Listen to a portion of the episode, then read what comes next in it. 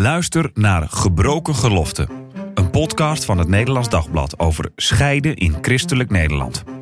In deze podcastserie gaat journalist Daniel Gillissen vanuit zijn eigen ervaring in gesprek met experts en ervaringsdeskundigen, zodat jij begrijpt wat scheiden betekent en om scheiden onder christenen beter bespreekbaar te maken. Luister naar Gebroken Geloften in je favoriete podcast-app.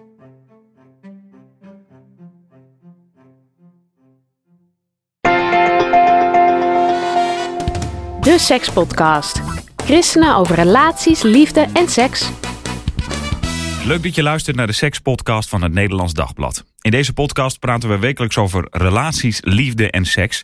In de krant is wekelijks een column te lezen. En over dat thema dat daarin besproken wordt, praat ik door met de schrijver van die column. En deze week is dat de relatiecoach Kokkie Drost. Goed dat je er bent, Kokkie. Hallo Marien. Jij schrijft deze week over singles en seks. Ja. Waarom? Ja, nou ik vind dit een onderwerp waar je weinig over kunt vinden. Uh, online sowieso. Um, maar ik herinner me ook in mijn tijd als single, die is maar heel kort geweest, laten we dat vooropstellen. Toen jij 13 was? Nee. Ongeveer. Um, maar het lijkt te zijn als je single bent, ja, dan heb je geen seksleven. Dus wat voor tips zou je moeten krijgen? Terwijl natuurlijk singles ook een seksleven hebben. Ja, wat zou je daar 15 jaar geleden als coach in christelijke kringen ook mee aan kunnen komen? Van ik heb een, een cursus voor singles nou, en nee, seks. Dat, nee, dat denk ik echt niet. En ik, maar als ik naar mezelf kijk, denk ik ook niet dat ik daar toen al aan toe was. Um, want als je denkt, als ik nou aan jou vraag, Marien, uh, wat is je eerste associaties bij, associatie bij singles en seks? Waar denk je dan aan? Ja, zelfbevrediging. Ja, hè? Ja. ja. En veel verder kom je eigenlijk niet. Um, en het is ook lange tijd het enige geweest waar je aan dacht bij singles en seks. Nou, inmiddels, en dat, dat zie je ook in mijn column, heb ik het juist over veel meer aspecten van wat je seksleven allemaal behelst. Maar 15 jaar geleden schrijven over zelfbevrediging was ook echt nadan. Dat was natuurlijk gewoon, als ik vanuit mijn, mijn eigen identiteit kijk, ja, dat vond ik sowieso een heel eng onderwerp. Um, en ook een onderwerp waarvan ik dacht, ja, mag dat maar zo? Als je christelijk bent opgevoed, ligt het misschien extra gevoelig. Mm -hmm. Hoe is dat in de loop der tijd dan eigenlijk veranderd? Dat het misschien nu meer bespreekbaar is? Je bedoelt zelfbevrediging? Ja. En, en, nou, en singles en seks, singles dus dat en dat seks, een nou ja, onderwerp je, is. Um, voor volgende week staat er een, of over twee weken bedoel ik, staat er een, een uh, column over zelfbevrediging klaar.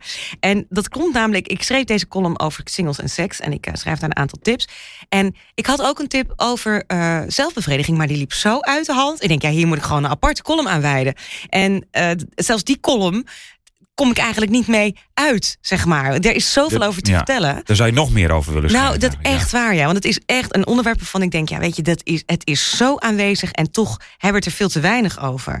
Um, sowieso denk ik, singles en seks... Uh, denk ik dat dat een onderwerp is... Uh, waarbij je dus meteen aan zelfbevrediging denkt... maar dat is veel meer dan dat. Maar snap jij waar dat vandaan komt... dat christenen daar moeite mee hebben? Jazeker. Over singles en seks? Ja, zeker. Ja, omdat je toch denkt, ja, maar God heeft seks geschapen voor twee mensen. Hoort in een dus, huwelijk. Uh, precies, ja, man en vrouw. En daar hoort het binnen. Uh, ik weet nog dat ik vroeger uh, echt gewaarschuwd werd voor seks met jezelf. En daar denk je dan toch natuurlijk snel aan. Terwijl in mijn column gaat het juist veel meer over, wacht even, alsof je pas, pas seksueel actief wordt of, of je seksuele systeem pas aangaat als je in een relatie zit. Sterker nog, ik heb wel eens ergens gelezen dat getrouwde mannen um, vaker masturberen dan single mannen. Denk ja, er zit dus ook nog wel ja, een wereld om te ontdekken van hé, hey, wacht eens eventjes. Het is niet zo dat je als je getrouwd bent, dat je dan ineens seksueel in alle behoeften wordt voorzien. En dat je als single um, veel minder seksuele behoeften hebt. Dus er is nog een hele hoop over te vertellen. Die masturbatie, die, uh, die, die parkeren we dan eventjes voor over uh, twee weken. Ja, dat is uh, een mooie cliffhanger, toch? Ja, ja, heel goed. En jij hebt daar omheen dus vijf tips deze week voor een goed seksleven, speciaal voor singles. Ja. Met jouw permissie lopen we ze gewoon even af. Dan mag jij de toelichting geven. Tuurlijk, ja. De eerste is, jouw seksualiteit hoort helemaal bij jou en je lichaam. Ja. Wat bedoel je Nou, eigenlijk wat ik, wat ik veel mis, um, is dat wij als mensen de vertrouwelijkheid met ons lichaam niet goed genoeg ontwikkelen. Dat komt denk ik doordat we voor een groot deel uh, in ons hoofd leven. Zeker als westerse mensen zijn we niet heel bewust van wat we nou allemaal voelen. Um, um, wat ons lichaam ons kan of wil vertellen. En ik denk dat christenen er nog eens een extra schepje bovenop doen. Door ook hun seksuele gevoelens te rationaliseren. Dus niet meer te voelen wat je eigenlijk voelt. Um, maar al heel snel te, te denken of te schieten in wat moet ik hiervan vinden. En daar veel meer op ingaan. Nou, en nou is het natuurlijk niet zo, laat ik dat even duidelijk hebben. Van nou, vandaag heb ik zin om, uh, weet ik veel, uh, een partij in de, in de ronde te gaan seksen. Dus dan doe ik dat. Dat is natuurlijk niet wat ik beoog te zeggen. Uh, maar wel dat je wel eens mag luisteren naar je lichaam. Dat als je seksuele behoefte hebt, dat dat blijkbaar heel normaal is. Dat je dat niet per se weg hoeft te drukken. Precies. Van ik voel dat ik eigenlijk zin heb om seks te hebben. Bij wijze ja, van. Bij, bij wijze van dat, dat, dat is gewoon heel normaal. En je hoeft niet te denken, ja, maar ik ben single, dus dit mag ik nog helemaal niet voelen. Het is normaal dat je dat voelt. Gevoelens mogen er zijn. Ja, en ook gewoon wat je in je lijf voelt. Je, je lichaam is ook onderdeel van jou. En um, die vertrouwelijkheid met je lichaam, die missen we ook nog wel eens. Dus gewoon jezelf um, af en toe gewoon uh, lichamelijk contact gunnen. Bijvoorbeeld gewoon door jezelf te strelen. Dat klinkt heel, heel geitenwolle sokkerig, maar het is eigenlijk heel normaal. Maar daar hebben wij meteen associaties bij van, dat is gek. En strelen bedoel je dan in de breedste zin? Of, of echt wel... Uh... Nee, in de breedste zin. Nee, echt niet meteen je erogene zones hoor. Gewoon echt ook gewoon um, je huid voelen. Ik hoorde ook wel eens van een single die nam af en toe een massage, zodat ze op die manier weer even contact had met, oh ja, ik heb ook nog een lichaam. Uh, maar wat denk je gewoon, gewoon naar jezelf kijken? Voor vrouwen is het natuurlijk vaak met spiegeltjes in de weer. Dat is voor heel veel mensen raar of ongemakkelijk. Terwijl ik denk, ja, het zou eigenlijk best wel normaal mogen zijn. Want dat is ook gewoon helemaal onderdeel van je lijf, van je persoonlijkheid. Dat is tip 1. Jouw seksualiteit hoort helemaal bij jou en je lichaam. 2 is realiseer je dat je seksualiteit iets kwetsbaars is. Ja, weet je, um, zonder dat ik meteen de moraalridder uit wil gaan hangen. Als ik denk aan het leven van een single, dan, uh, en als je dat online dus gaat zoeken, dan krijg je dus vooral tips hoe je kunt scoren, uh, hoe je zoveel mogelijk partners kunt um, vinden. Tinder komt voorbij. Um, in de zomer had je toch ook zo'n Hot Summer Challenge ja, of zo? Ja, Heb jij ook wel eens wat over geschreven volgens mij? Dus ja, precies. Weet dat je, je zoveel mogelijk mensen moet versieren of zo was dat ja, dan, hè? en dan uh, hoe meer, hoe, hoeveel... Hoe beter. Ja, en, en, en, dan ook nog steeds een leveltje verder, weet je wel. Totdat je dus uiteindelijk met iemand in bed belandt. Dat is oh, de maximum score. Of nee, er was nog eentje dat als jij een getrouwde vrouw wist te versieren... dan, nou ja, zoiets was het. Of een getrouwde man. Ik weet het niet. In ieder geval, in ieder geval heel erg van scoren. Scoren, ja daar denk je natuurlijk um, uh, veel aan als het gaat over, um, over seks. Van nou, uh, het moet vooral lekker zijn, je moet vooral genieten. En ik denk dat het juist ook heel goed is dat je je realiseert... maar wacht eens eventjes, seks is echt niet alleen een kwestie van scoren, binnenhalen, even kort genieten. Je hebt als het gaat om seks verschillende emotionele niveaus. Je kunt um, het niveau van pure lustenbevrediging, dat is de isoleerseks. Dat is eigenlijk een heel Egoïstisch iets. Ja, egoïstisch ik kun je het ook noemen. Ik heb dat nu nodig. Ik heb het nu nodig. Ja, je staat totaal niet in verbinding met iemand. Maar dan ook dus niet helemaal met je lichaam en je, en je ziel. Het is gewoon puur een lijfelijke aangelegenheid. Um, uh, dat is een variant van, van seks. Nou, je hebt de variant, dat is de troostseks. Dus dat is een ongelijkwaardige verbinding. Je wil er even bij horen. Of um, je voelt je even verdrietig of eenzaam. Of je voelt je schuldig. Um, nou, die variant kun je ook hebben met seks. Er zit wel een verbinding, maar die is scheef. Dus eigenlijk heel schadelijk als je op die manier seks hebt met iemand. En de derde variant is de synchrone seks. En die heeft alles te maken met dat je dus gelijkwaardig bent. Je voelt je veilig, je voelt je geliefd. Je bent niet bang om niet goed genoeg te zijn. En um, bij die derde variant, dat is eigenlijk de seks die, ja, klinkt een beetje maal, maar dat is een beetje. Het beetje, beste is. Ik ja, voel dat jij dat wil ja, zeggen. Ja, ja. De optimale variant. Niet altijd in uitvoer, maar wel als het gaat over um, de mooie kanten aan seks, wat het met je doet, uh, hoe je je erbij voelt. Uh, je wordt er mooier van, je voelt je er zelfverzekerder door. Die variant van seks, die heeft ook namelijk alles met je ziel te maken. En uh, die variant is natuurlijk ook super kwetsbaar. Als je je openstelt voor iemand, um, dan kan seks ook wel heel wat met je doen. Als je dan super onzeker bent en je beleeft vooral seks omdat je dus um, je geliefd wilt voelen of je wilt erbij horen. En je stelt je ziel open en het is teleurstellend of um, die ander heeft alleen maar behoefte aan even een lichamelijke aangelegenheid. Dan kan het heel veel met je doen. Kijk, en de, de, de trend van ja, maar seks moet toch vooral lekker zijn. Dus die, die isoleerseksvariant, die zie je inderdaad best wel veel. Alleen ik, het lijkt mij moeilijk om te geloven was dat omslachtige zin zeg. Ik kan moeilijk geloven um, dat mensen daadwerkelijk gewoon even alleen maar kunnen seksen en toedeloe kunnen zeggen. Ik denk echt dat dat best wel wat met je doet. Jij zegt je denkt misschien, eh, die, uh, als je dat doet, dan denk je misschien van dat, dat kan ik. Maar de, de, de vraag is maar of, of je dat echt kan. Ja, nou is het wel zo dat als je dat steeds vaker doet, dat je er dat makkelijker schijnt te kunnen. Maar dan is het dus ook weer moeilijker om je wel emotioneel te verbinden tijdens de seks. Dus als je steeds beter wordt in de isoleerseksvariant, word je steeds minder goed in de synchrone seksvariant. Dus realiseer je dat seksualiteit iets kwetsbaars is. Ja, dat is twee. Het, doet, het doet zeker iets met je ziel. Ja. Drie, zoals je unieke emotionele perso uh, een unieke emotionele persoonlijkheid hebt, wat een uh, woordenbrei, heb je ook je unieke seksuele persoonlijkheid. Best mooie, simpele. je hebt een unieke emotionele persoonlijkheid, Marien. Kijk, ik hoef jou niet te vertellen.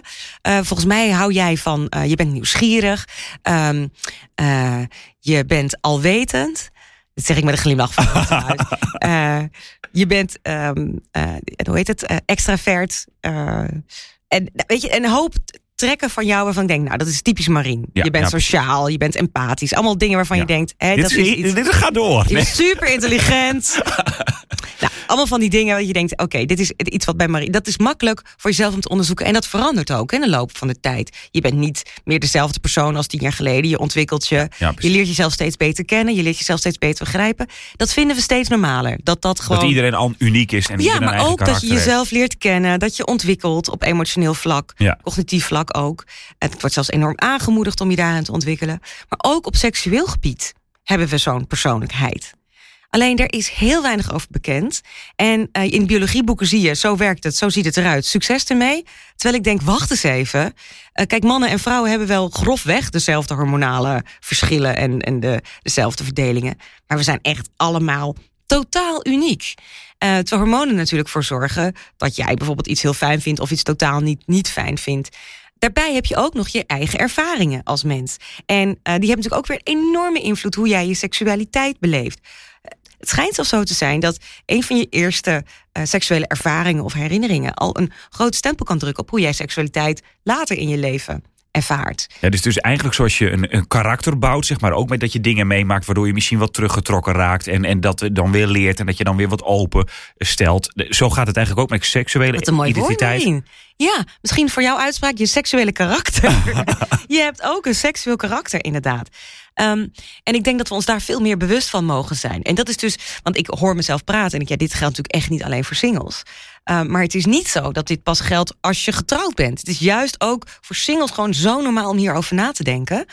Um, maar ook voor mensen die in een relatie zitten. Het is eigenlijk voor iedereen, voor universeel, je bent een seksueel wezen. En, en dan gaat het over wat vind ik fijn, uh, waar word ik opgewonden van, uh, allemaal dat soort dingen. Ja, maar ook, en dat is denk ik goed om je te realiseren, dat Kijk, ik, ik zei net over uh, dat, dat seks kwetsbaar is. Heel veel mensen hebben op seksueel gebied ook iets meegemaakt wat niet fijn is, wat niet veilig was. Mm, en dat kan best wel invloed hebben op de manier waarop jij seksualiteit beleeft. Met jezelf, met een ander. Um, hoe je seksuele signalen bij jou binnenkomen. Uh, welke signalen je uitstraalt. En je daar bewust van worden. En veel meer ook uh, in plaats van het overkomt me, help, wat moet ik doen? Weet, wacht even, het is logisch dat ik dit zo ervaar. Het is logisch dat ik dit zo voel. En ik kan kiezen wat ik hiermee ga doen. Tuurlijk niet altijd. Hè. Soms zijn emoties echt heftig en moet je er wat meer mee doen dan alleen maar je er bewust van worden. Um, maar deze stap leren we nergens. Dat het gewoon normaal is. Dat jij je unieke seksuele persoonlijkheid hebt. Je unieke seksuele karakter hebt. En dat je dat steeds beter mag leren kennen. En dat je je ook de ruimte mag gunnen om daar steeds beter mee om te kunnen gaan. En daarin te groeien, net zoals je in karakter groeit. Ja, precies. Ja. Uh, vier, baseer je normen op je waarden. Ja. Dit, is, dit klinkt wel heel moralistisch misschien. Ja, maatschappijleer 3 VWO. ja, ja. Of twee, ik weet het al niet eens meer. Nee, inderdaad. Um, nou, wat ik vaak merk als het gaat over, over uh, seks... En, en singles kunnen dat misschien nog wel beter dan um, niet-singles. Uh, wat mag wel, wat mag niet. Heel streng kijken naar wat zijn de regels, de dat normen. is misschien ook wel hoe je uh, christelijk werd opgevoed, ja. zeg maar, uh, ja. nou, pakweg 10, ja. 15 jaar geleden. Ik weet niet hoe dat ja, is. En, en nog steeds, hè, ik, ik, uh, ik merk veel als ik met, met bijvoorbeeld um, jongerenwerkers spreek, die zeggen heel veel jongeren willen vooral horen wat mag wel, wat mag niet. Het biedt natuurlijk ook heel veel veiligheid. Hè? Dan kan je zeggen, oh nee, maar dit, hiervan hebben ze gezegd, dat mocht. ja, nee, maar dat, dat, dat iemand anders die verantwoordelijkheid neemt om te zeggen, dit mag jij doen. Ja, precies. Ja, weet je bijvoorbeeld, nee, we hebben geen seks voor het huwelijk, want er is nog geen penetratie. Weet je, bij wijze van spreken. Die dat je denkt, hé, wacht even. Um, en dat, dat komt eigenlijk doordat we dus uitgaan van normen, van regels... en niet nadenken over, maar hallo, wat zijn mijn waarden op seksueel gebied? Wat vind ik belangrijk? Wat wil ik wel of niet bewaren? In hoeverre wil ik hier al uh, optimaal of minder van genieten? En vooral de vraag, wat is het goede voor mij? Um, ik heb in mijn column ook bewust een zin uh, toegevoegd... zeker als je gelovig bent, dan, dan kan je, je relatie met God hier natuurlijk een hele grote rol spelen. Um, uh, maar, laat ik het even vooropstellen. Het is niet zo dat je uh, minder zondig zou zijn als jij seksueel precies weet wat wel of niet mag. Alsof God meestaat te kijken van, oh, maar dit is uh, zondig. En heel veel mensen hebben die associatie toch nog wel als het gaat over wat mag wel of wat mag niet op seksueel gebied. Daarom denk ik juist dat het zo belangrijk is. Denk eens na over je waarden. Zeker als je gelovig bent. Um, wat is jouw waarde in jouw geloof? Wat, welke waarde heeft seks volgens jou um, met in het oog nemend je geloof, je relatie met God? Nou, voor mij is het heel duidelijk als het gaat over seks. God heeft het goede met ons voor ogen. Um, mensen vragen me wel eens, Kokkie, heeft God, hoe heeft God seks nou bedoeld? Dan denk ik, ja, ik heb geen weet ik veel, directe lijn. Dat ik, al oh, krijg nu door dat dit. Nee. Um, maar wat ik wel weet, was dat het ooit allemaal perfect en goed was. En als je hebt over. Kijk, wat, wat Jezus kwam doen op aarde was weer een, een, een omwenteling in gang zetten. Dat het weer meer wordt zoals het ooit was. Maar daar zijn we nog lang niet. Daar kunnen we wel naartoe streven. En ik geloof ook dat we als, als mensen, en, en, en zeker als, als je een, een relatie hebt met God, dat je kunt proberen om alweer iets meer van hoe God het ooit bedoeld heeft. Dus dat is perfect, liefdevol, wereldvrede, mijn lievelingswoord. um, maar dat je dat ook in seksuele relaties uh, weer kunt gaan zoeken. En alleen dat, dat zijn dus twee losse dingen. Want heel veel mensen koppelen seks dus aan iets wat zondig is. Um, en ik denk dat je dat echt even los moet koppelen. Seks is in principe iets heel erg moois. Niet per definitie fout. Nee, te nee. tegen. moord wel. Hè? Laten we even duidelijk, snap je dat? Ja, ja, Moord is per definitie gewoon niet goed. Iemand doodmaken. Liegen misschien ook niet, om maar wat te noemen. Ja, nog een heel, ja, dat is gewoon niet goed. Um, en wij hebben eigenlijk te vaak seks in de categorie moord, liegen, seks, zonde, zeg maar gezegd. Ja, schaamte, schuld. Terwijl in, in, in, in, de, in de grond is seks iets fantastisch, iets moois. Alleen we als mensen kunnen we elkaar niet altijd begrijpen. We begrijpen onszelf niet altijd. Um, ons lichaam is niet onfeilbaar, is niet perfect. We kunnen niet in het lichaam van een ander kijken. We zetten onze eigen behoeften, onze eigen wil vaak voor die van een ander. Uh, of we cijferen die van onszelf weg. Weet je wel, die balans die ooit zo perfect is geweest. Ik ben heel benieuwd of dat ooit weer zou terugkeren. Um, die is er niet meer. Nou is het wel heel goed om daaraan te gaan koppelen van wacht even, wat is voor mij zo goed dat ik dus dat goede van seks in mijn leven, ook in mijn lijf, uh, kan verweven. En ik denk dat je daar, dit klinkt allemaal een beetje misschien heel abstract, maar bijvoorbeeld even een concreet voorbeeld: je bent single en je hebt seksuele gevoelens. Stel je ervoor dat jij ontzettend um, uh, houdt van het spel van, van flirten, van aantrekken, van afstoten, kan. Dan kun je jezelf afvragen, wat is het goede voor mij hierin? Nou, het goede voor jou daarin kan zijn, um, je voelt je weer uh, aantrekkelijk. Je hebt het uh, idee dat mensen oog voor je hebben. Je voelt je gezien. Ja, hè, want dat is gewaardeerd, hartstikke fijn. Dat kan, ik, ik, ik geef even geen oordeel, maar dat kan dus het goede voor jou zijn volgens jouw waarde. Dan is het ook belangrijk om na te denken, is het ook het goede voor de mensen om me heen? Nou, en dan kan het zijn dus dat je, je, je, je realiseert, wacht even, dit spel van aantrekken en afstoot, dat beschadigt misschien anderen. En daaraan kun je dus de norm koppelen. Flirten is leuk, maar wacht even, in hoeverre heeft dat een negatieve invloed op het leven van anderen? En misschien dus ook op het leven van jezelf. Als jij merkt, ik flirt alleen maar omdat ik me eigenlijk heel eenzaam voel, uh, zodat ik weer eventjes wat bevestiging krijg, dan kun je je afvragen: is het dan wel goed? Moet je dan niet veel meer gaan uh, ja. werken aan datgene wat zo. Dus wat zit er achter de, de normen eigenlijk bij jezelf? Dat moet je je afvragen. Ja, en vanuit die waarden normen maken. Ja, Simpel, hè? zoals we het inderdaad hebben geleerd op de middelbare school. Maar bij seks denken we daar heel weinig aan. Gaan we alleen maar aan die normen zitten denken. Dus ga maar eens even rustig nadenken over je waarden. En wat voor jou een heel belangrijke waarde is, kan voor een ander weer totaal onbelangrijk zijn. En wat voor jou een heel vanzelfsprekende norm is, kan voor een ander weer totaal niet werken. Dus dat heeft alles weer te maken met je seksuele karakter. Dan zijn we weer terug bij punt 3, maar we gaan wel door naar punt 5. Daar stond een tip over zelfbevrediging, maar we hebben al gezegd, daar gaan we het volgende keer over hebben. Uit de hand, ja. ja. Uh, en de zesde, de laatste is: de belangrijkste basis voor een goed seksleven is de liefde voor jezelf. En daarboven, als je gelovig bent, de liefde van God voor jou. Ja. Ja. Dat, ik vond het wel uh, ja, cliché, misschien op een bepaalde manier. Ja, maar had ik hem dan er niet tussen kunnen zetten, Marien? Nee, joh, dat kan echt niet. Deze moet er absoluut bij. Omdat? Nou ja, ik vind het is. Voor jou is het misschien vanzelfsprekend, maar heel veel mensen um, vinden het helemaal niet zo gemakkelijk om van zichzelf te houden. Je ziet ook hè, de, de meest kwetsbare, nou met name denk ik wel meisjes, maar ook wel jongens, um, die worden eruit gepikt door mensen die kwaad in de zin hebben. Uh, ja, die worden Loverboys bedoel jij? Ja, Loverboys. Volgens mijn dochters is dat echt man, dat is echt zo 2000. Die bestaan al lang niet meer. Tegenwoordig is dat allemaal veel gehaaider met vriendinnen en zo. Oh, dus ja, er bestaat nog. Maar inderdaad. ehm, maar bijvoorbeeld ook een, een, een, een kwaadwillende leidinggevende. Misschien ergens in de kerk of eh, op school of waar dan ook. Weet je, dat, Ja, het zit overal. Hè? Dat. Je moet je ogen er niet voor sluiten. Ehm, als je weet, ik ben waardevol als mens. Ik ben net zo waardevol als jij. Met mijn fantastische seksuele karakter en mijn seksuele persoonlijkheid. Ehm, dan weet je ook, dus de waarden die ik eh, heb als het gaat over seks, die zijn belangrijk. Dan helpt het je ook om veel beter na te denken over. Wat is het goede voor mij? Is het goed voor mij om zomaar even met iemand in bed te duiken? Kijk, als dat goed voor je blijkt te zijn, want ik probeer hier zo weinig mogelijk oordeel over te geven. Want ik hoor meteen mezelf met zo'n christelijk sausje al, nou is het goed voor je, maar dat bedoel ik helemaal niet zo. Begrijp je nog deze? Ja, nee, ik snap wat jij bedoelt. Maar dat probeer- komt omdat we allemaal die christelijke opvoeding hebben het gehad. Dat we dan de, en, ja, allemaal en ik zit hier ook in denken. Nederlands Dagblad studio. Hè, en ik ben me bewust van het, het grootste publiek is waarschijnlijk heeft de christelijke achtergrond dat luistert. Dus die denken allemaal... Ja, Kokkie zegt wel van ik probeer geen... Maar we voelen het allemaal natuurlijk. Ja, Dat is ja. het lastige eraan. Die, die, dat, je dat, dat je zo bent opgevoed, Ja. dat dan krijg je er ook... Dat Ja, gaat er heel moeilijk uit. Dat dat- karaktervorming. Dus ik ben er ook heel bewust van. Wacht eventjes.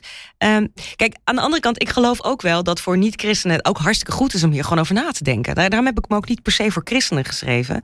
Eh, sterker nog, ik denk dat we echt dit nodig hebben. eh, gewoon als maatschappij. Dat, dat seks veel normaler wordt om waarde aan te koppelen dan alleen maar het is lekker, dus geniet ervan. Dus wat dat betreft eh, is het niet eens per se zo christelijk Nee. wat ik allemaal heb opgeschreven. Maar die liefde van God voor jou, Nou, dat is wel specifiek Liefde van God christelijk voor mij. En die heb ik er dus bijgezet met als je gelovig bent, omdat ik het zo belangrijk vind dat je je realiseert. Wacht even. Kijk, als ik kijk naar mijn ehm, zelfbeeld, naar mijn eigen waarde, zit dat voor een heel groot ding hierin, gedeelte hierin versleuteld. Dat ik weet, God houdt van mij helemaal zoals ik ben. Wow. En van jou. En van jou. En van iedereen die nu luistert. Dus we zijn allemaal heel erg waardevol. Hij heeft het goede met ons voor ogen. En dat zorgt er voor mij, bij mij voor, dat ik dus denk, ik ben van waarde. Ik ben heel wat. Net als jij. Net Ja. als alle mensen om me heen, zeg maar. Eh, dus ook op seksueel gebied kan ik eventjes goed nadenken. Wacht even, ben ik alleen maar hier nu voor jou eh, eh, lol? Of mag ik ook gewoon net zo belangrijk zijn? Ja, dus in, in- en dan bedoel jij, eh, God houdt van mij, ik ben waardevol, ik ben niet goedkoop, dus eh, word, eh, ehm, ik, en ik heb zelfvertrouwen, zeg maar, of ik, ik, ben- ik ben me bewust van mezelf, van wat ik waard ben. En dus kan ik misschien een goede afweging maken eh, van, hey, ziet die persoon die nu mij benadert om te flirten, bij wijze van spreken, ziet mij die, die persoon mij ook als zo waardevol? Zo, dat klinkt wel heel ingewikkeld in de discotheek. Ja. Ja. ik weet niet of, ze- of je dan nog aan het flirten bent daarna. maar, eh, ik heb, ben even denken, zie je me als waardevol. Nou ja, ik denk dat dit iets, wat, wat je, iets is wat je uiteraard jezelf kenbaar moet maken. Of wat is het kenbaar moet maken? Je moet het verweven in je leven. Dat je weet, wacht even, ik ben waardevol. Kijk, als je dit heel geforceerd gaat proberen te doen, ja, dat, dat werkt natuurlijk Nee. niet. Maar ik denk echt als de basis van jou, van jouw zijn, is van hé, hey, ik heb. Ik ben van waarde, ik heb een, een, een reden om te bestaan. En dat betekent niet dat je meteen allerlei morele ambities moet hebben, à la eh, Rutger Bregman. meneer Brechtman, dat je de wereld moet verbeteren. Maar gewoon weten van ja, wacht even. Ook met mijn bestaan voeg ik iets toe. Ik ben gezien, ik ben geliefd. Ehm, dat helpt namelijk heel erg bij ook gewoon nadenken over wat zijn jouw eigen waarden? Wat is belangrijk voor jou? En dat je die ook jezelf durft toe te eigenen. En dan kun je misschien nog hartstikke goed staan flirten in, in de kroeg of waar dan ook. Misschien gewoon in de kerk. Daar wordt ook flink geflirt hoor. Ik trouw regelmatig koppels die elkaar via oogcontact in de kerk Oh, hebben. ja, ja, ja, ja. Gebeurt van alles tijdens die preken, denk ik dan. Maar goed, hè, en dat is ook normaal. Laten we wel wezen. Want er is heel veel seksuele energie om ons heen. En ik heb net van jou bewust geleerd, je seksuele identiteit staat niet uit. Eh, waarschijnlijk in de kerk. Nou, gelukkig niet, want anders werd er nooit meer Nee. hè, geflirt en, en, en elkaar gevonden. Maar hier zit natuurlijk de, de belangrijkste basis in. En dat geldt ook voor mensen in een relatie. Kijk, als je alleen maar je waardering haalt uit de ander, ja, dan ga je seksueel ook niet in evenwicht zijn. Maar als je weet, wacht even, ik ben, wij zijn met een gelijkwaardige relatie, we zijn evenveel waard, dan komt dat ook je seksleven. Eh, dus als je wel een relatie hebt, komt dat ook ten goede. Dus dit is een tip waarvan ik denk, ja, het is een, een vanzelfsprekende tip. Maar dit schort bij zoveel mensen aan. Want hier zit eigenlijk de belangrijkste basis voor een goed seksleven. Met jezelf of met een ander. Ja, want ik zat nog te denken, eh, dit was singles en seks. Maar eigenlijk is het voor iedereen, toch, deze tip? Ja, zeker ja. Maar ik vind het ook juist heel belangrijk dat we ons realiseren. Want dit soort dingen schreef ik dus heel vaak alleen voor mensen in een relatie. Hè? Want dit is goed voor je seksleven. Maar dit is dus ook gewoon mega belangrijk voor singles. En ik vind juist zo belangrijk dat we daar ook gewoon aandacht aan besteden. Dat singles horen, wacht even, ja. Ik heb gewoon ook een seksleven. En misschien betekent dat niet dat ik. Uh, is het 1,6 keer per week seks heb met iemand. Uh, maar wel dat ik gewoon ook seksuele gevoelens heb. Dat ik me bewust ben van de seksuele energie die er heel vaak is in de maatschappij. Dat je moet nadenken over wat je doet met je seksuele energie en met je seksuele gevoelens. We nemen de tips ten harte, Kokkie. En ik ga jouw column natuurlijk in de beschrijving van deze aflevering zetten. Zodat mensen op papier de, eh, de tips nog even na kunnen uh, lezen in alle rust. En dan popt het allemaal wel weer op wat jij hebt gezegd. Dus dankjewel voor deze week. Dankjewel. En uh, over twee weken noteer ik dus dat we het hebben over masturbatie. Ja. Of zelfbevrediging. wat is een mooi woord eigenlijk? Er zijn zoveel woorden voor. Ik durf niet allemaal te zeggen. solo seks. Ik las laatst handkarren. Heb ik nog nooit van gehoord. Nee, ik vond het een erg mooie. Dan gaan we het volgen over twee weken. Onaneren. Dankjewel, Kokkie. Heb je ook een vraag over relaties, liefde of seks waar je graag een antwoord op wil? Mail je vraag naar podcast.nd.nl en je kan dan anoniem blijven als je dat wil. Volgende week vrijdag staat er weer een nieuwe aflevering voor je klaar. Tot dan!